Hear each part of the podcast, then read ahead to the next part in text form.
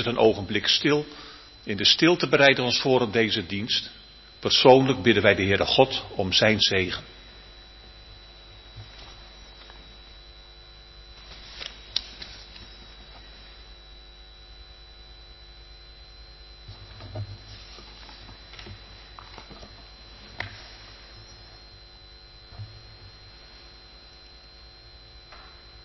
Onze hulp is ook vanmiddag in de naam van de Heere, die hemel en aarde geschapen heeft. Die trouw blijft tot in eeuwigheid en die het werk van zijn hand nooit loslaat. Amen. Genade zij u en vrede van God onze Vader, door zijn Zoon, de Heer Jezus Christus, in de gemeenschap met de Heilige Geest. Amen.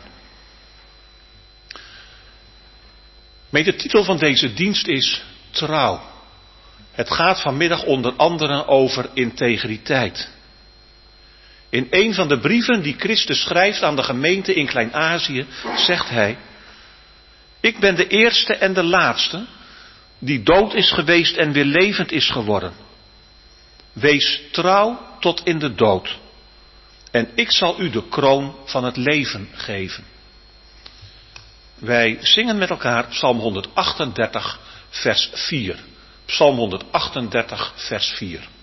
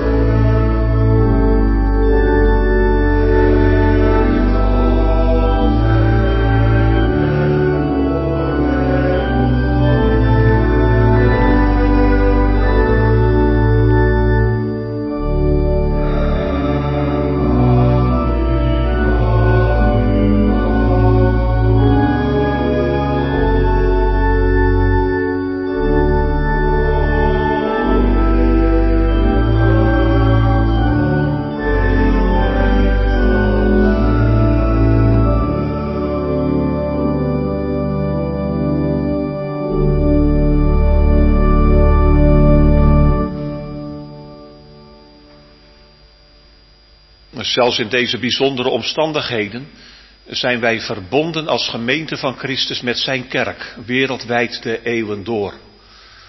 Je ziet elkaar niet, je weet van elkaars bestaan, dat geldt nu heel concreet, nu we verbonden zijn van huis tot huis, via de techniek, echter de geest van Christus legt de verbinding van hart tot hart. En op die manier weet ons ook verbonden met generaties die ons in het geloof zijn voorgegaan. Lang geleden hebben mensen de inhoud van het geloof kort en bondig samengevat. Samengevat in twaalf artikelen, de zogenaamde apostolische geloofsbeleidenis. Daar stemmen we ook vanmiddag mee in. En daarna zingen wij Psalm 89, vers 1. Ik zal eeuwig zingen van Gods goede tierenheid. Want zo min, uw zo min de hemel ooit uit zijn stand zal wijken, zo min zal uw trouw ooit wankelen of bezwijken. Psalm 89, vers 1.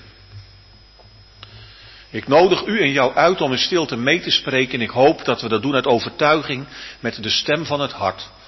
En dan beleiden wij met de kerk van Christus, ik geloof in God, de Vader, de Almachtige, Schepper van hemel en van aarde.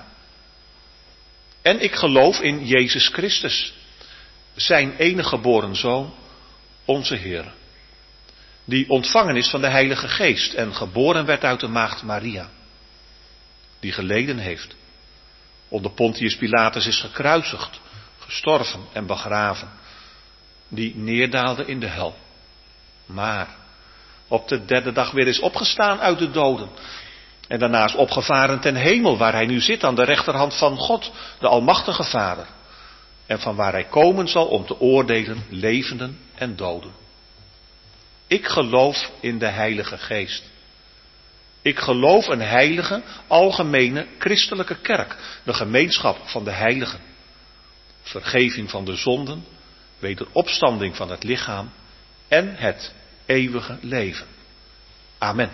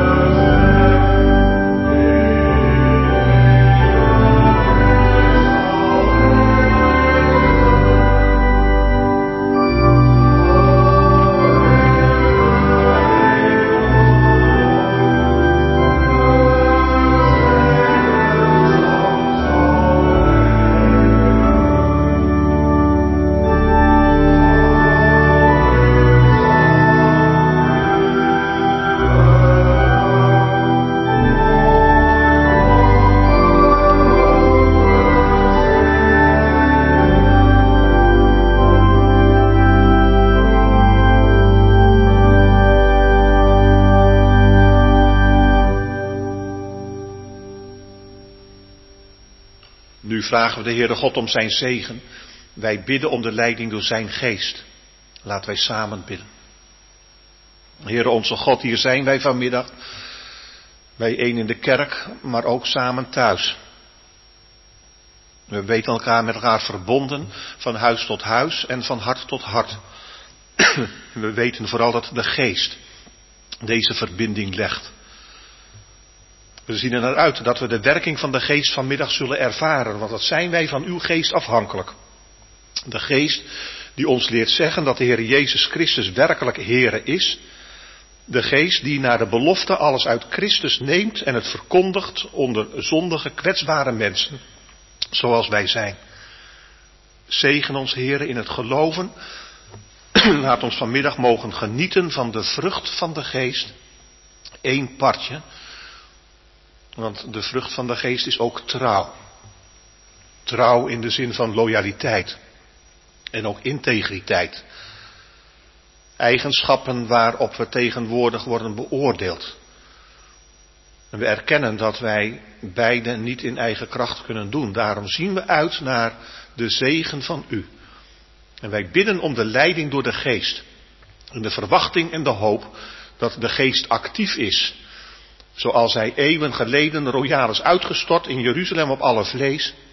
En tot op deze dag door u, o God, niet is thuisgeroepen.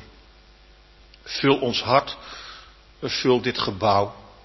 Vul zelfs de kanalen van de techniek en de elektronica.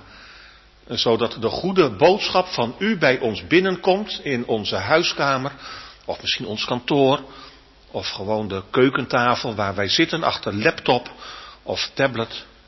Sterker nog, heren, leg zelfs de verbinding naar ons hart. Zodat het onderwijs eens gegeven aan de Galaten ook ons in beweging brengt en ons herinnert aan waar het echt op aankomt. Zegen ons, ouderen, jongeren, kinderen. Zegen ons straks in het geven van onze offers. Wij bidden u ook om uw zegen in het zingen van de liederen met Israël en de kerk.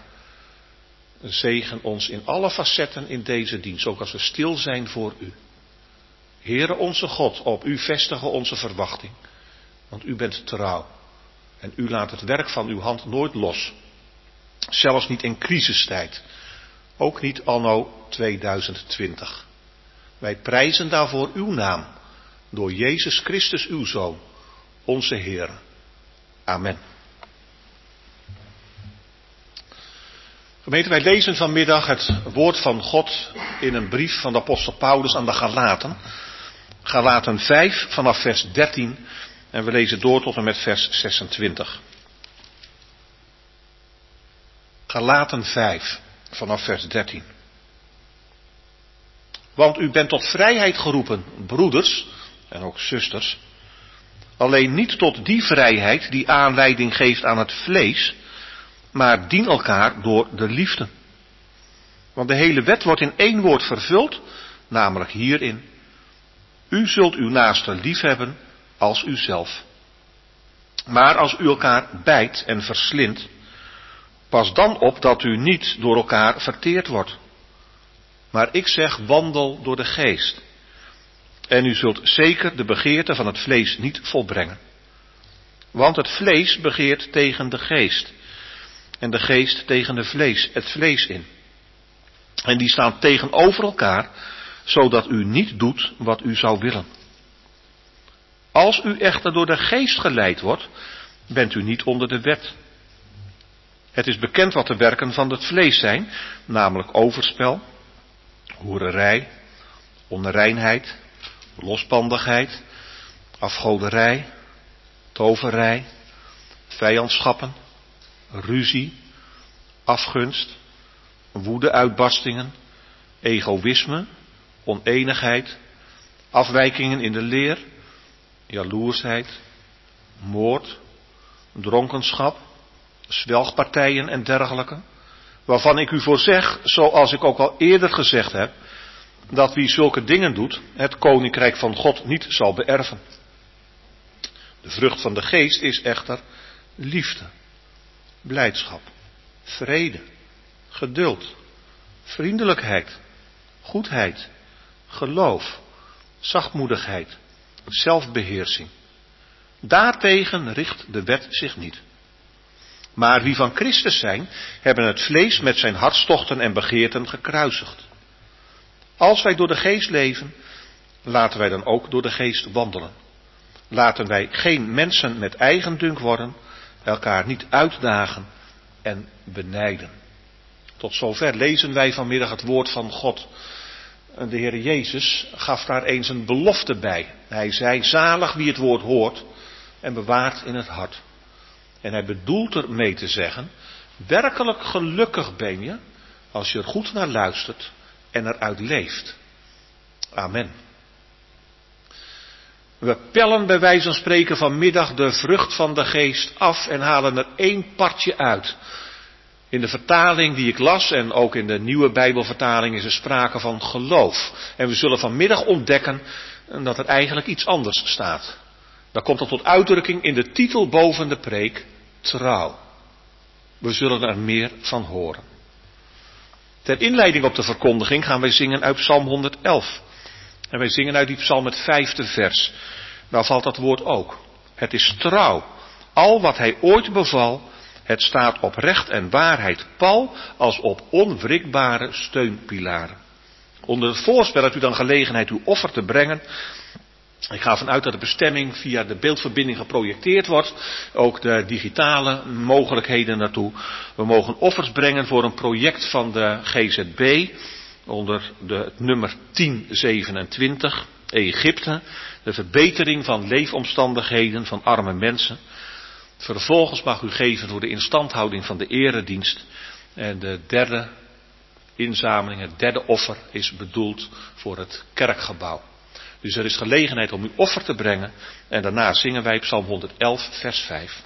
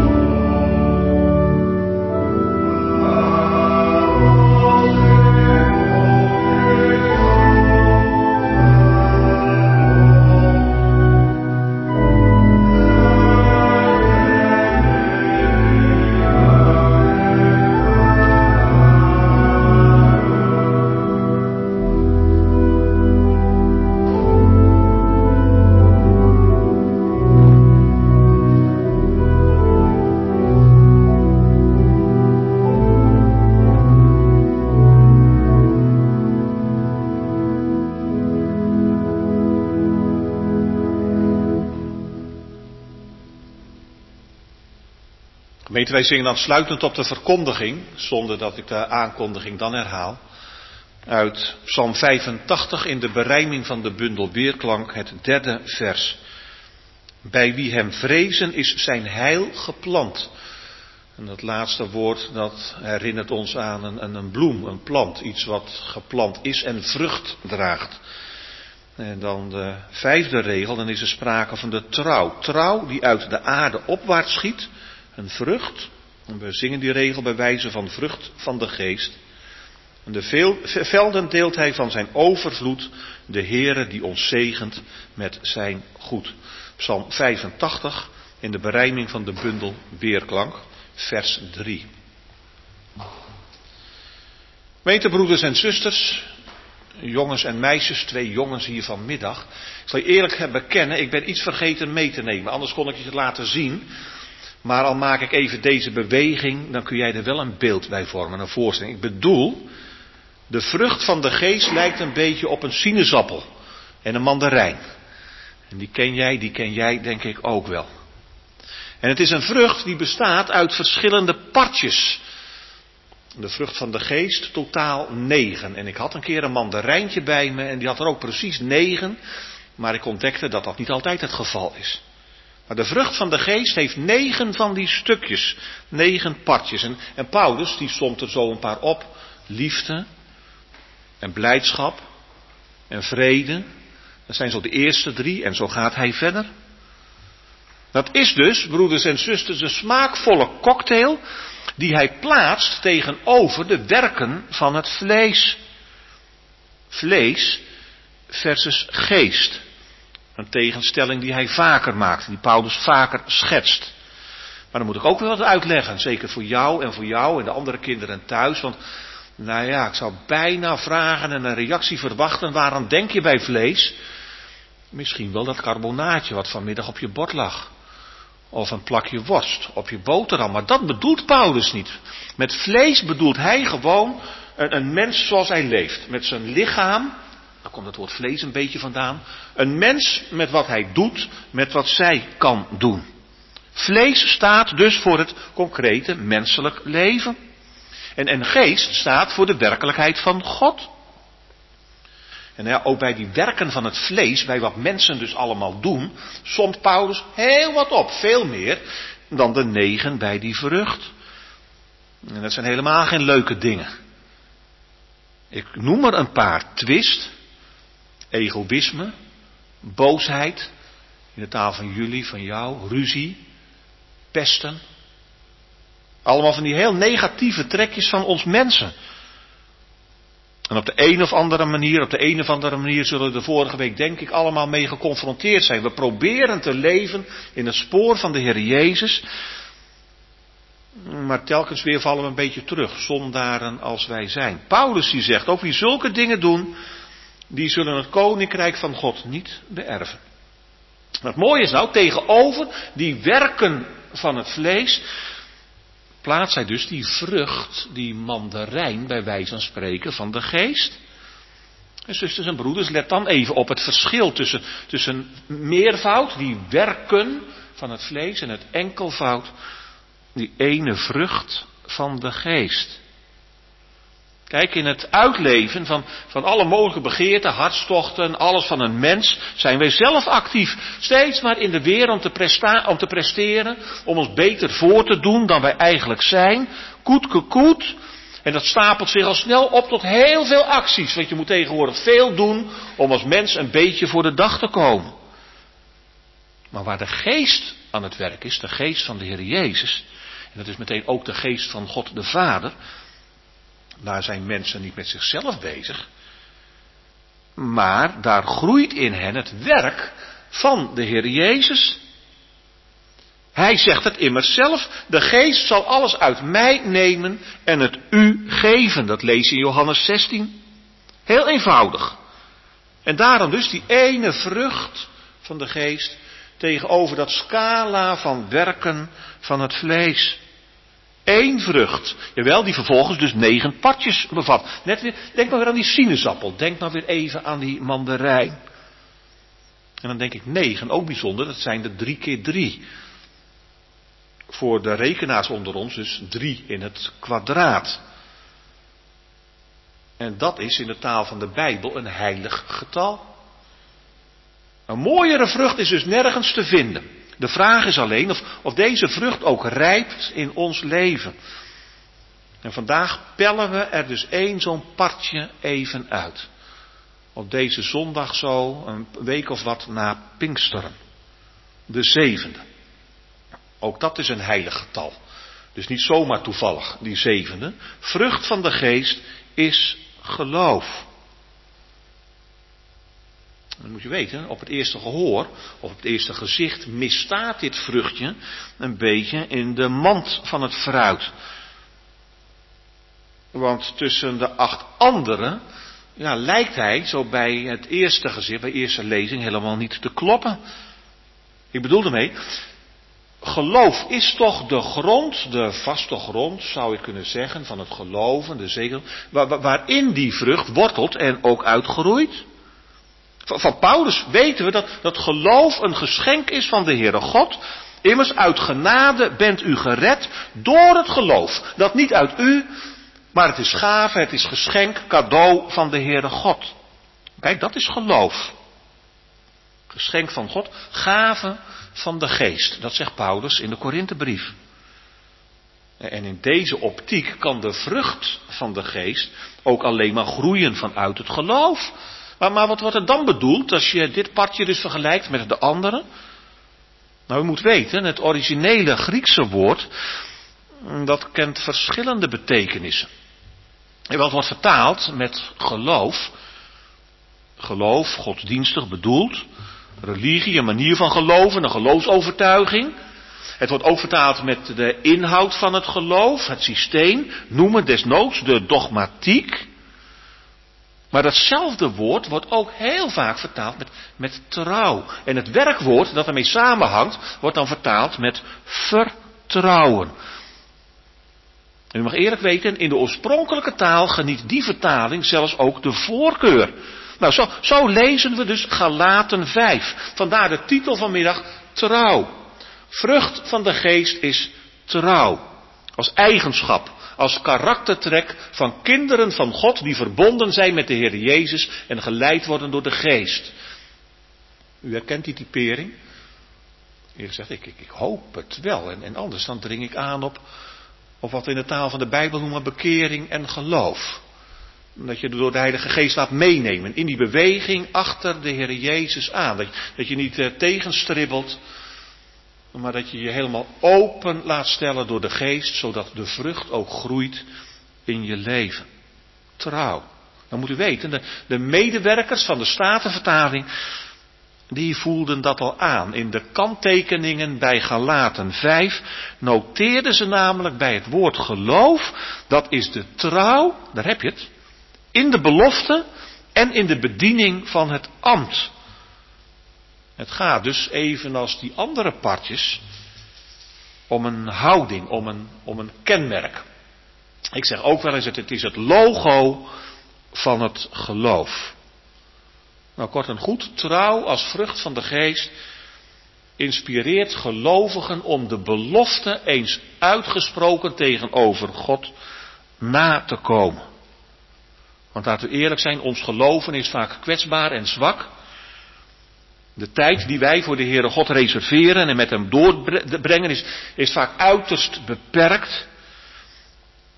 Bijbellezen vinden we al gauw lastig, het zijn moeilijke woorden. De stille tijd voor studie en meditatie schiet er tegenwoordig snel bij in. En, en, en bidden, regelmatig tijd nemen voor gebed. U zult het herkennen, dat lukt ook niet altijd. Maar weet u wat is de Heere God dan goed? Dat Hij zelf door Zijn geest deze vrucht kweekt op de akker van je leven. Hij verwekt dit effect. En weet je wat ik ontdekte? Daarmee geeft de Heere God ten diepste iets van zichzelf. Een eigenschap van zichzelf. Hij is immers trouw. Dat hoorden wij aan het begin van de dienst en we zongen er ook van met woorden uit Psalm 138. Hij zal zijn werk voor mij voleindigen. Met andere woorden, hij doet het. En dan worden we iedere kerkdienst meteen al aan het begin herinnerd. Onze hulp is in de naam van de Heer.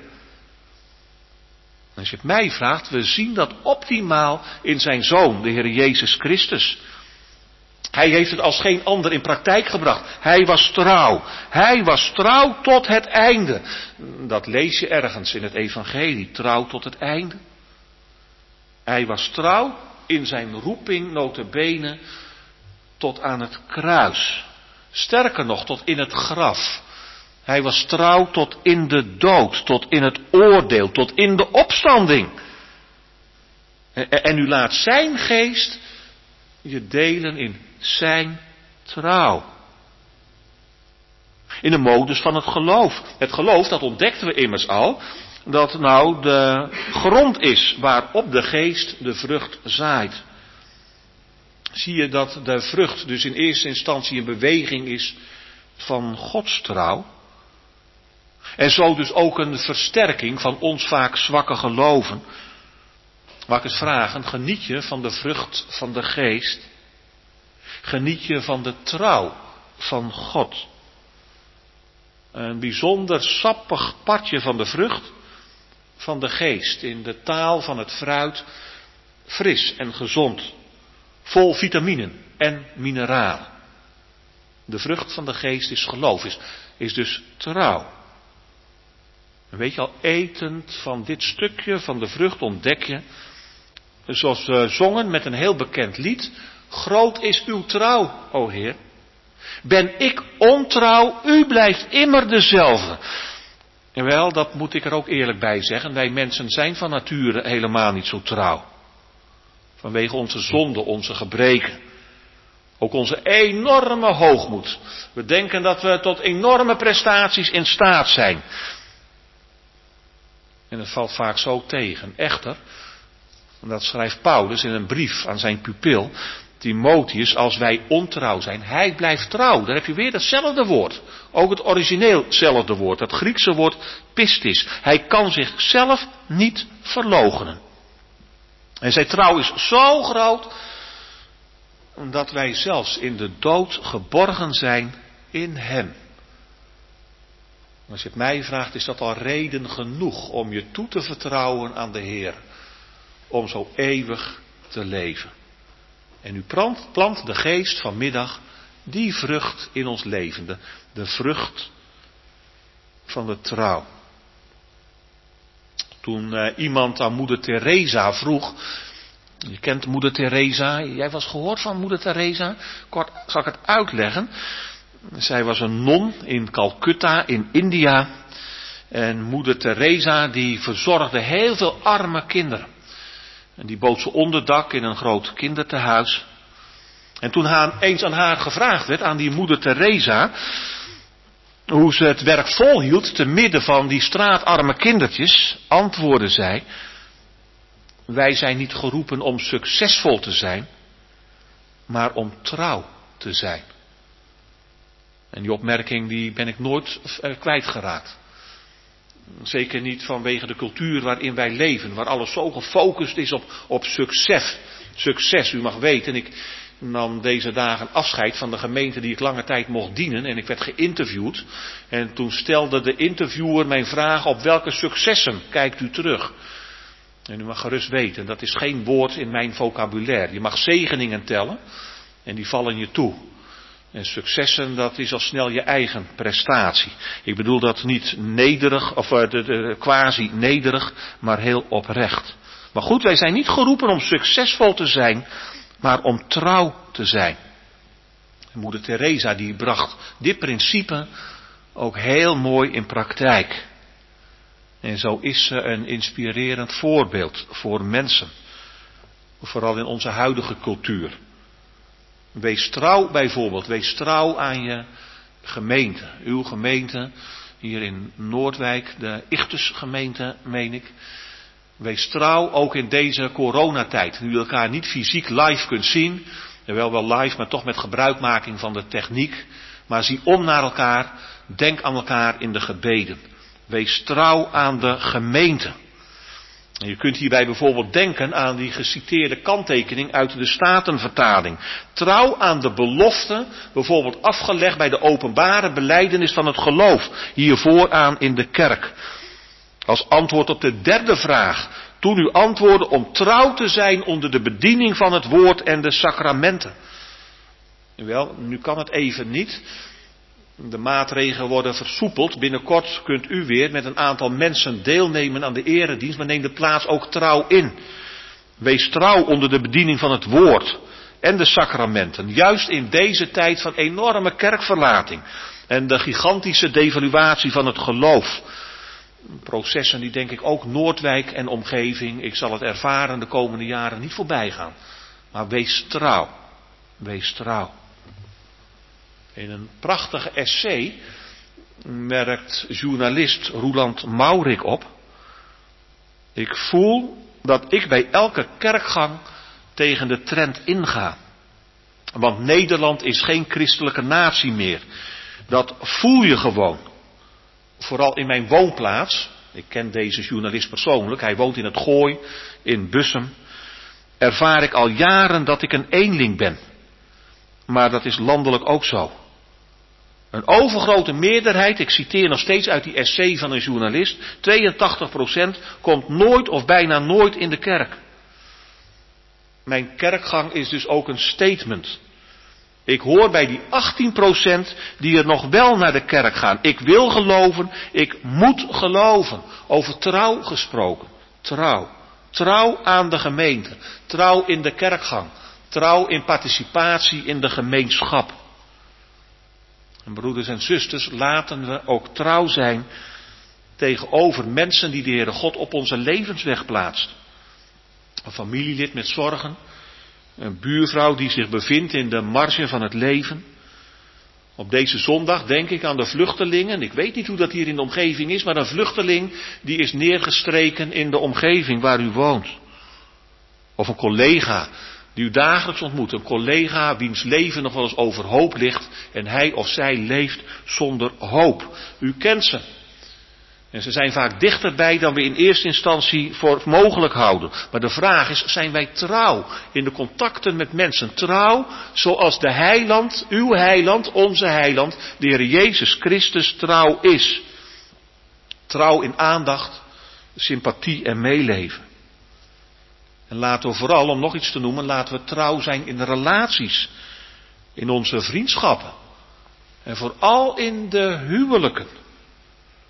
Zeker nu er steeds meer stranden in een scheiding. Vorig jaar werd volgens de statistieken bijna één op de twee huwelijken weer ontbonden. Ben je trouw in je huwelijk als man en vrouw? Trouw zoals de Heer Jezus Christus trouw is. Weet u, zijn, belofte, zijn evangelie bevat mooie beloften voor mensen die trouw zijn. Zo vertelt de Heer Jezus eens van een, een gelijkenis van een ondernemer en zijn personeel aan wie hij het management van zijn zaak toevertrouwt. En als we dan later terugkomen bij die uh, directeur, dan zegt hij, je hebt uh, goed gedaan, goede en trouwe knecht. Over weinig ben je trouw geweest, maar over veel zal ik u aanstellen. Ga in, in de vreugde van uw Heer zijn we zo trouw als managers in onze ondernemingen. En in de brief aan de gemeente te Smyrna schrijft de Heer Jezus, we hoorden het aan het begin van deze dienst, wees trouw tot de dood. En ik zal u de kroon van het leven geven. Kortom, een trouwe dienstknecht, trouw op de plek waar je mag werken, een trouwe gemeente, ze mogen vertrouwen op de trouw van God tot in eeuwigheid. Omdat de trouw van de Heer de basis is van onze trouw. Omdat de vrucht van de geest geloof is. Trouw.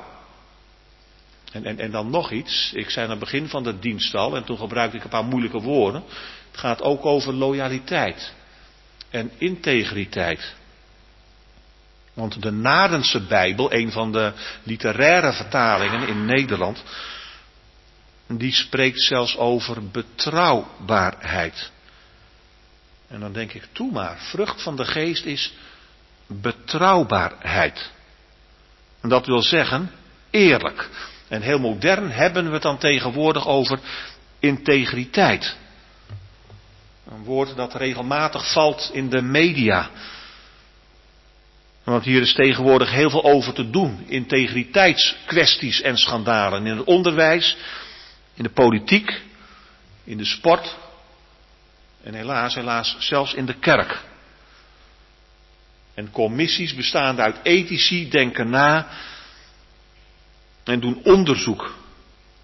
Want de vraag is aan de orde of mensen anno 2020 werkelijk integer zijn en loyaal. Zijn mensen te vertrouwen? Kun je je kind aan hen toevertrouwen op school, in de sport? Houden zij hun woord? Kun je op hen bouwen? Nou, dat is iets om over na te denken. Wij kennen elkaar niet, maar ik weet niet hoe dat is bij jou op de werkvloer, bij jou op de werkvloer, in uw omgeving. Misschien deelt u in politieke partijen de vrucht van de geest die confronteert dus. Jawel, je kunt van die vrucht genieten. Zoals je eenmaal smult van fruit. Je proeft de smaak en de elixir, de, de sappen die verkwikken je. Maar al genietend reizen de vragen ook.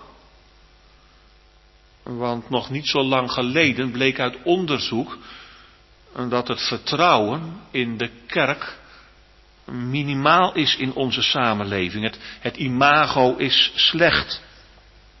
En de berichten van allerlei misbruik doen hier natuurlijk ook geen goed aan.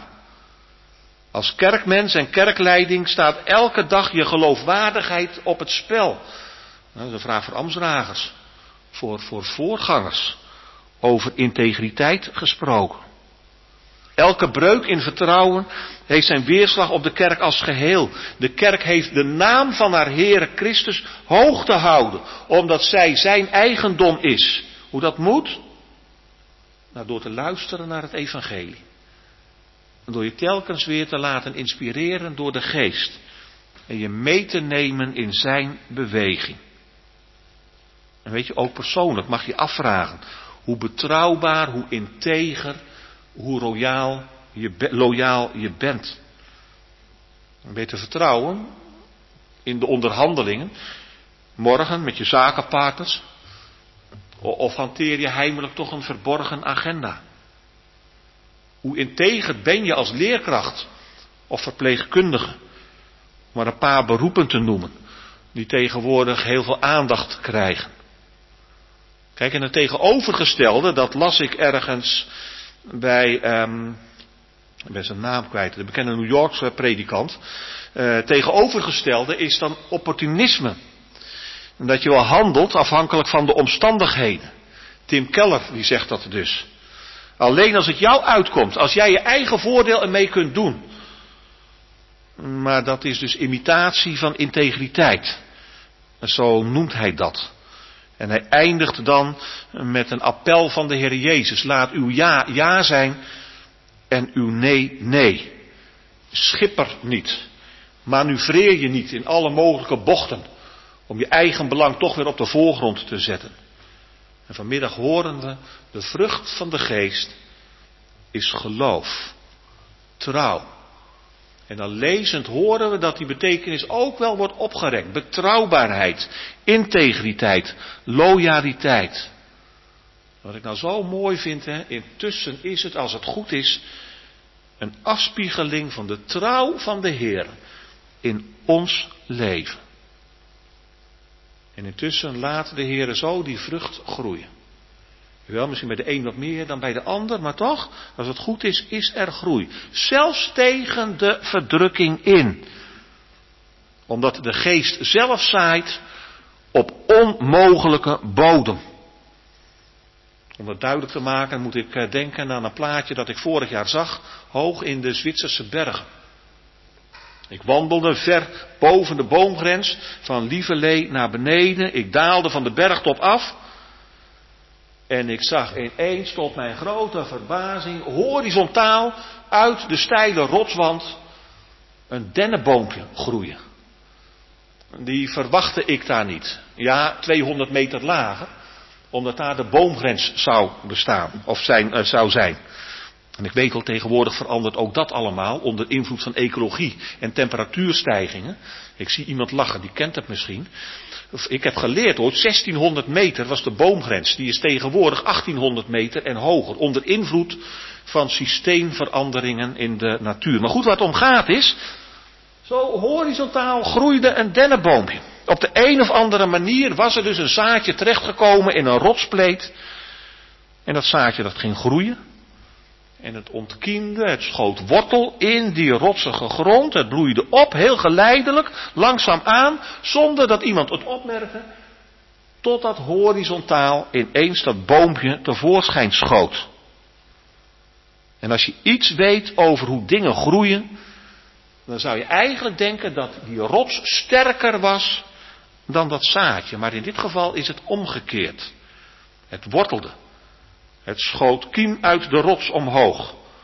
En zo bloeien op rotsgrond in Zwitserland boompjes. Nou, houd dat voorbeeld even vast. Als de geest zich manifesteert in je leven, en de geest is er ook vanmiddag op uit, en hij gebruikt zelfs de digitale techniek, als Hij zich manifesteert in je leven, en dat kun je merken, eenvoudigweg in de beleidenis, dat je de Heer Jezus erkent als Heer. Denk maar weer aan een opmerking van Paulus. Niemand kan zeggen, Jezus Christus is Heer, dan door de Geest. Nou, ga bij jezelf even na wat je vindt van de Heer Jezus, of je in Hem gelooft. En ik vraag niet hoeveel of zo, maar of je in Hem gelooft. Dat is werk van de Geest. Nou, dan kan het niet of de vrucht, de vrucht van de Geest, die groeit. Zelfs tegen de verdrukking in. Zoals bij die eh, steile rotswand in de Zwitserse Alpen. Hoe je leven er ook uitziet. Wat er ook aan mankeert. De vrucht van de geest die breekt er dwars doorheen. En als je mij vraagt, dat vind ik wel zo'n bemoediging. Zeker als we denken aan de rotsachtige bodem van ons zondige bestaan. Al zit, er, al zit er ook iets merkwaardigs in dat proces van de geest. Want wij hebben nog wel eens neiging om dat proces te vertragen. Of te stoppen. Want het aparte is nou, waar de geest actief is, daar hebben wij nog wel eens de neiging om snel te gaan schoffelen en te gaan wieden. Eh, zoals die tuinmannen waar de Heer Jezus eens een gelijkenis over vertelt. Je kent dat verhaal vast wel. Een akker stond vol met tarwe, maar ook met onkruid. En de knechten die wilden meteen al gaan rukken aan die onkruidplantjes. Maar de eigenaar van die akker zei: Nee, nee, laat nou groeien tot de oogst. Dan pas zal ik de maaiers opdracht geven om te oogsten. Broeders en zusters, ik zou zeggen, laten we niet te snel gaan snoeien en schoffelen en wieden. En let op, nog een tip. Je moet ook niet te snel gaan graven in saaigoed.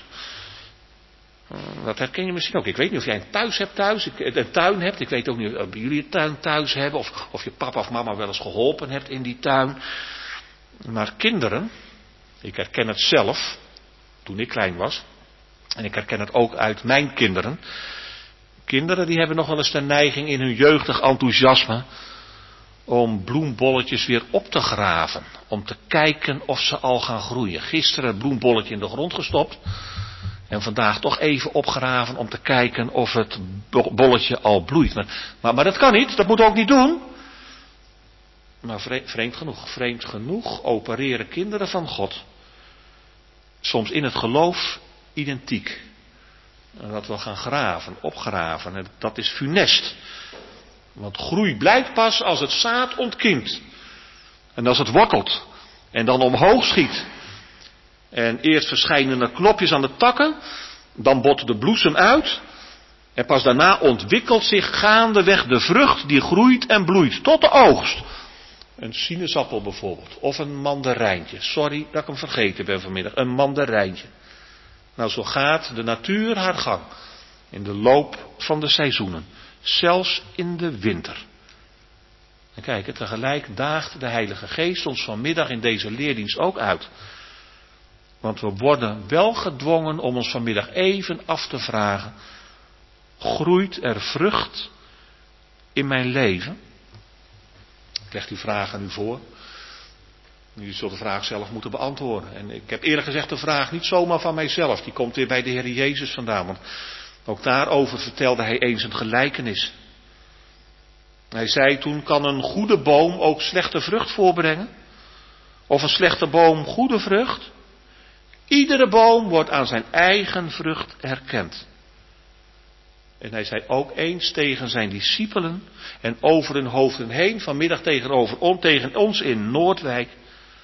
Ik heb jullie ertoe bestemd dat jullie zullen heen gaan en dat jullie veel vrucht dat zullen dragen en dat uw vrucht zal blijven.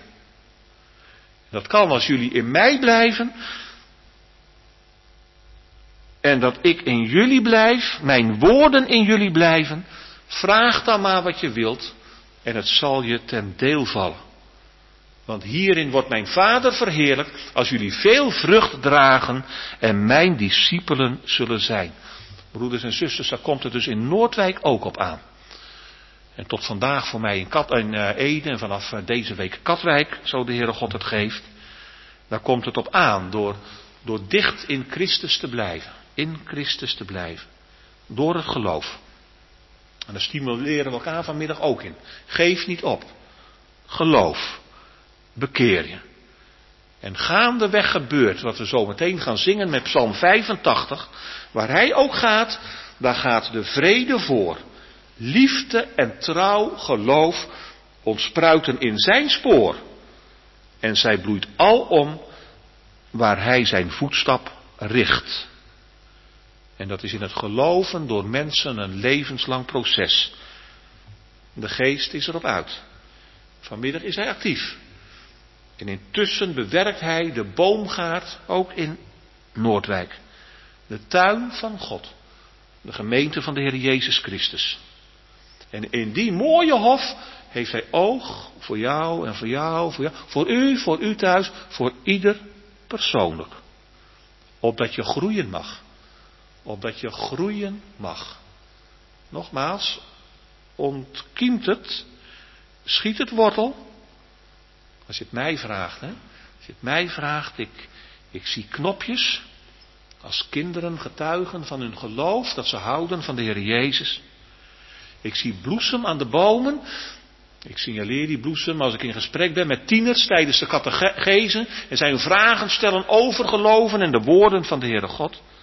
En ik zie vrucht, gerijpte vrucht, onder volwassenen. Die zich helemaal toevertrouwen aan Christus. En zich laten leiden door de geest. En kijk, dan laat de Heere zien. Vrucht van de geest is trouw. Straks zullen we bidden. Geef mij woorden vol genade, Heer. Openbaar in mij uw kracht steeds meer. Dan weerspiegel ik het wonder van uw trouw. En mijn hart zal u aanbidden, Heer. Amen.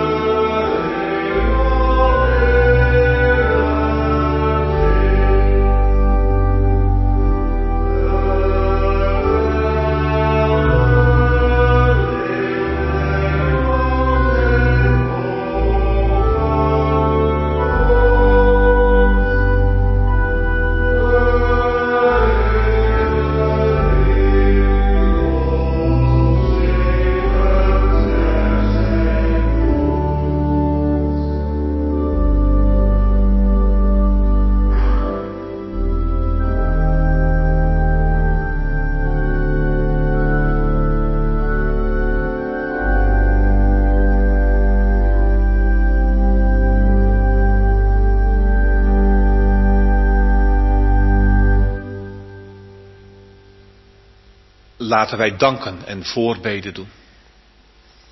En Heer, het lied zingt verder. Want waar hij ook gaat, de vrede gaat hem voor. Liefde en trouw ontspruiten in zijn spoor.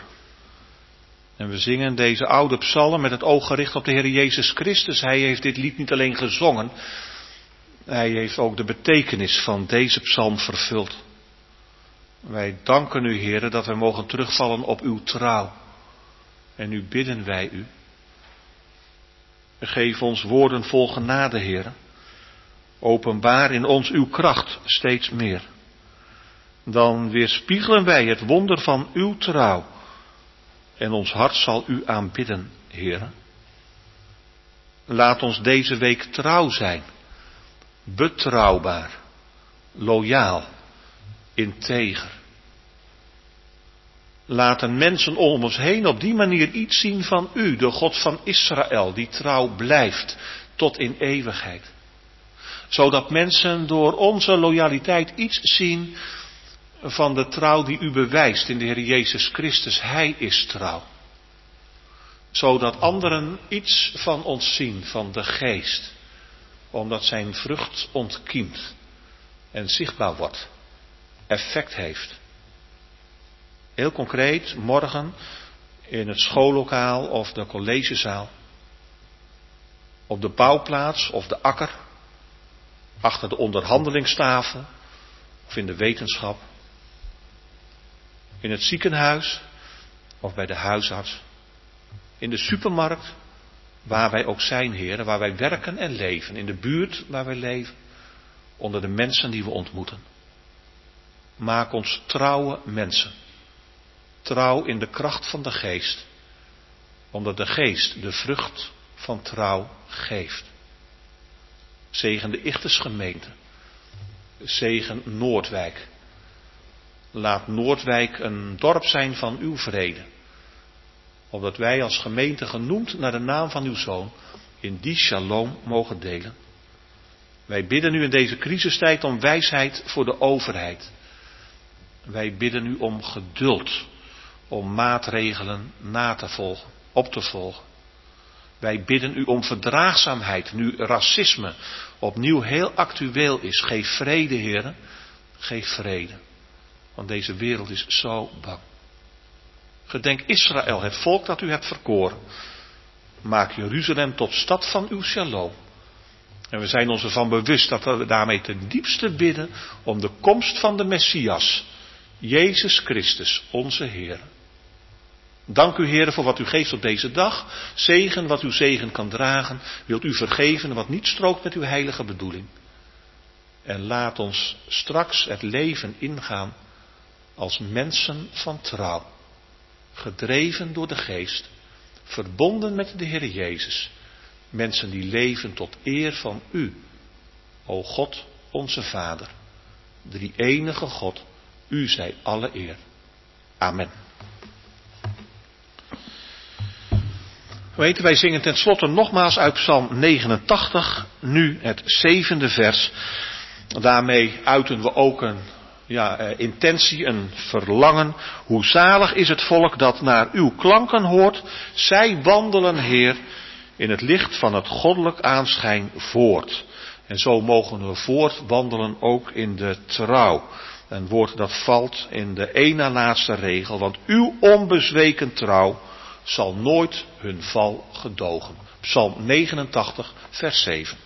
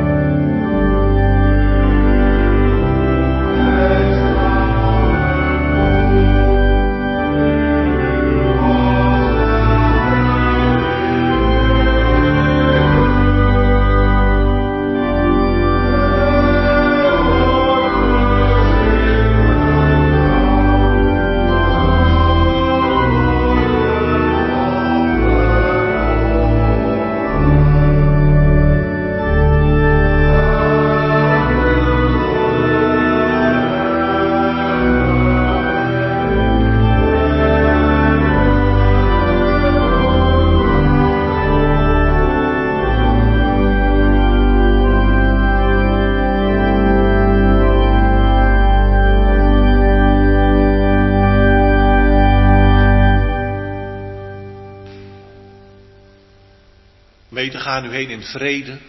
Wees deze week trouw. Weet u daarin gedragen door Gods zegen. De Heere zegene u en hij behoede u. De Heere doet zijn aangezicht over u lichten en zij u genadig. De Heere verheffen zijn aangezicht over u en geven u vrede. Amen.